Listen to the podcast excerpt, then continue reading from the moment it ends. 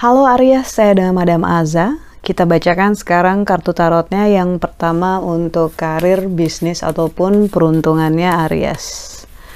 Kartu yang keluar adalah The Hermit. Diminta untuk fokus pada upayamu ke masa depan.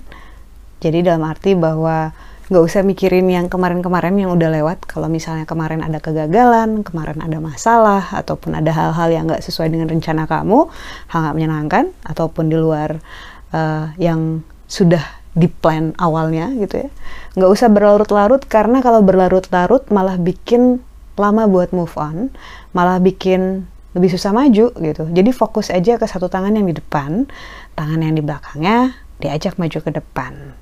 Tinggal gimana caranya untuk bisa accept yang kemarin didn't work out gitu ya misalnya nggak bekerja dengan baik nggak bisa sesuai harapan tapi yang di depan masih bisa dikejar. Karena itu fokus untuk mendapatkan hal-hal yang kamu inginkan gitu ya. 100% yakin 100% bisa gitu. Karena terlalu lama berlarut-larut uh, wah saya kemarin gini ah kemarin saya udah nyoba ini tapi nggak bisa saya gini gitu. Lebih banyak enggaknya ataupun negatifnya ibaratnya bisa menjadi doa buat diri sendiri gitu. Jangan sampai. Karena itu kita fokus sama yang bagus-bagusnya aja kita fokus buat masa depan kita. Lalu untuk percintaannya Aries kartu yang diberikan.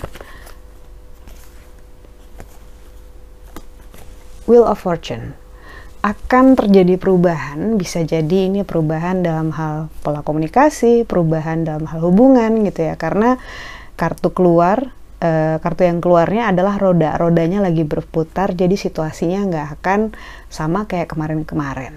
Tidak stabil, tapi mungkin itu yang dibutuhkan. Karena kalau misalnya terlalu lama di zona yang statis gitu ya, akhirnya nggak berkembang, nggak ke mana-mana.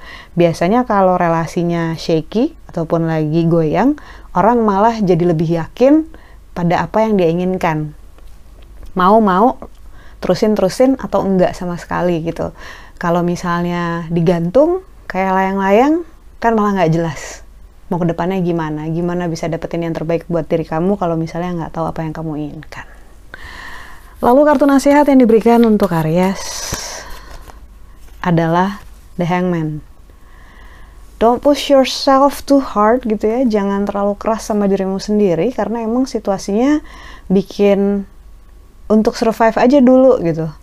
Kalau kita terlalu keras kepala dan memaksakan bergerak memaksakan untuk maju cepet gitu ya atau bikin keputusan seketika gitu khawatirnya malah berlebihan dan bisa jadi overwhelm susah buat diterima susah buat dicerna gitu susah untuk uh, diterima konsekuensi ataupun tanggung jawabnya.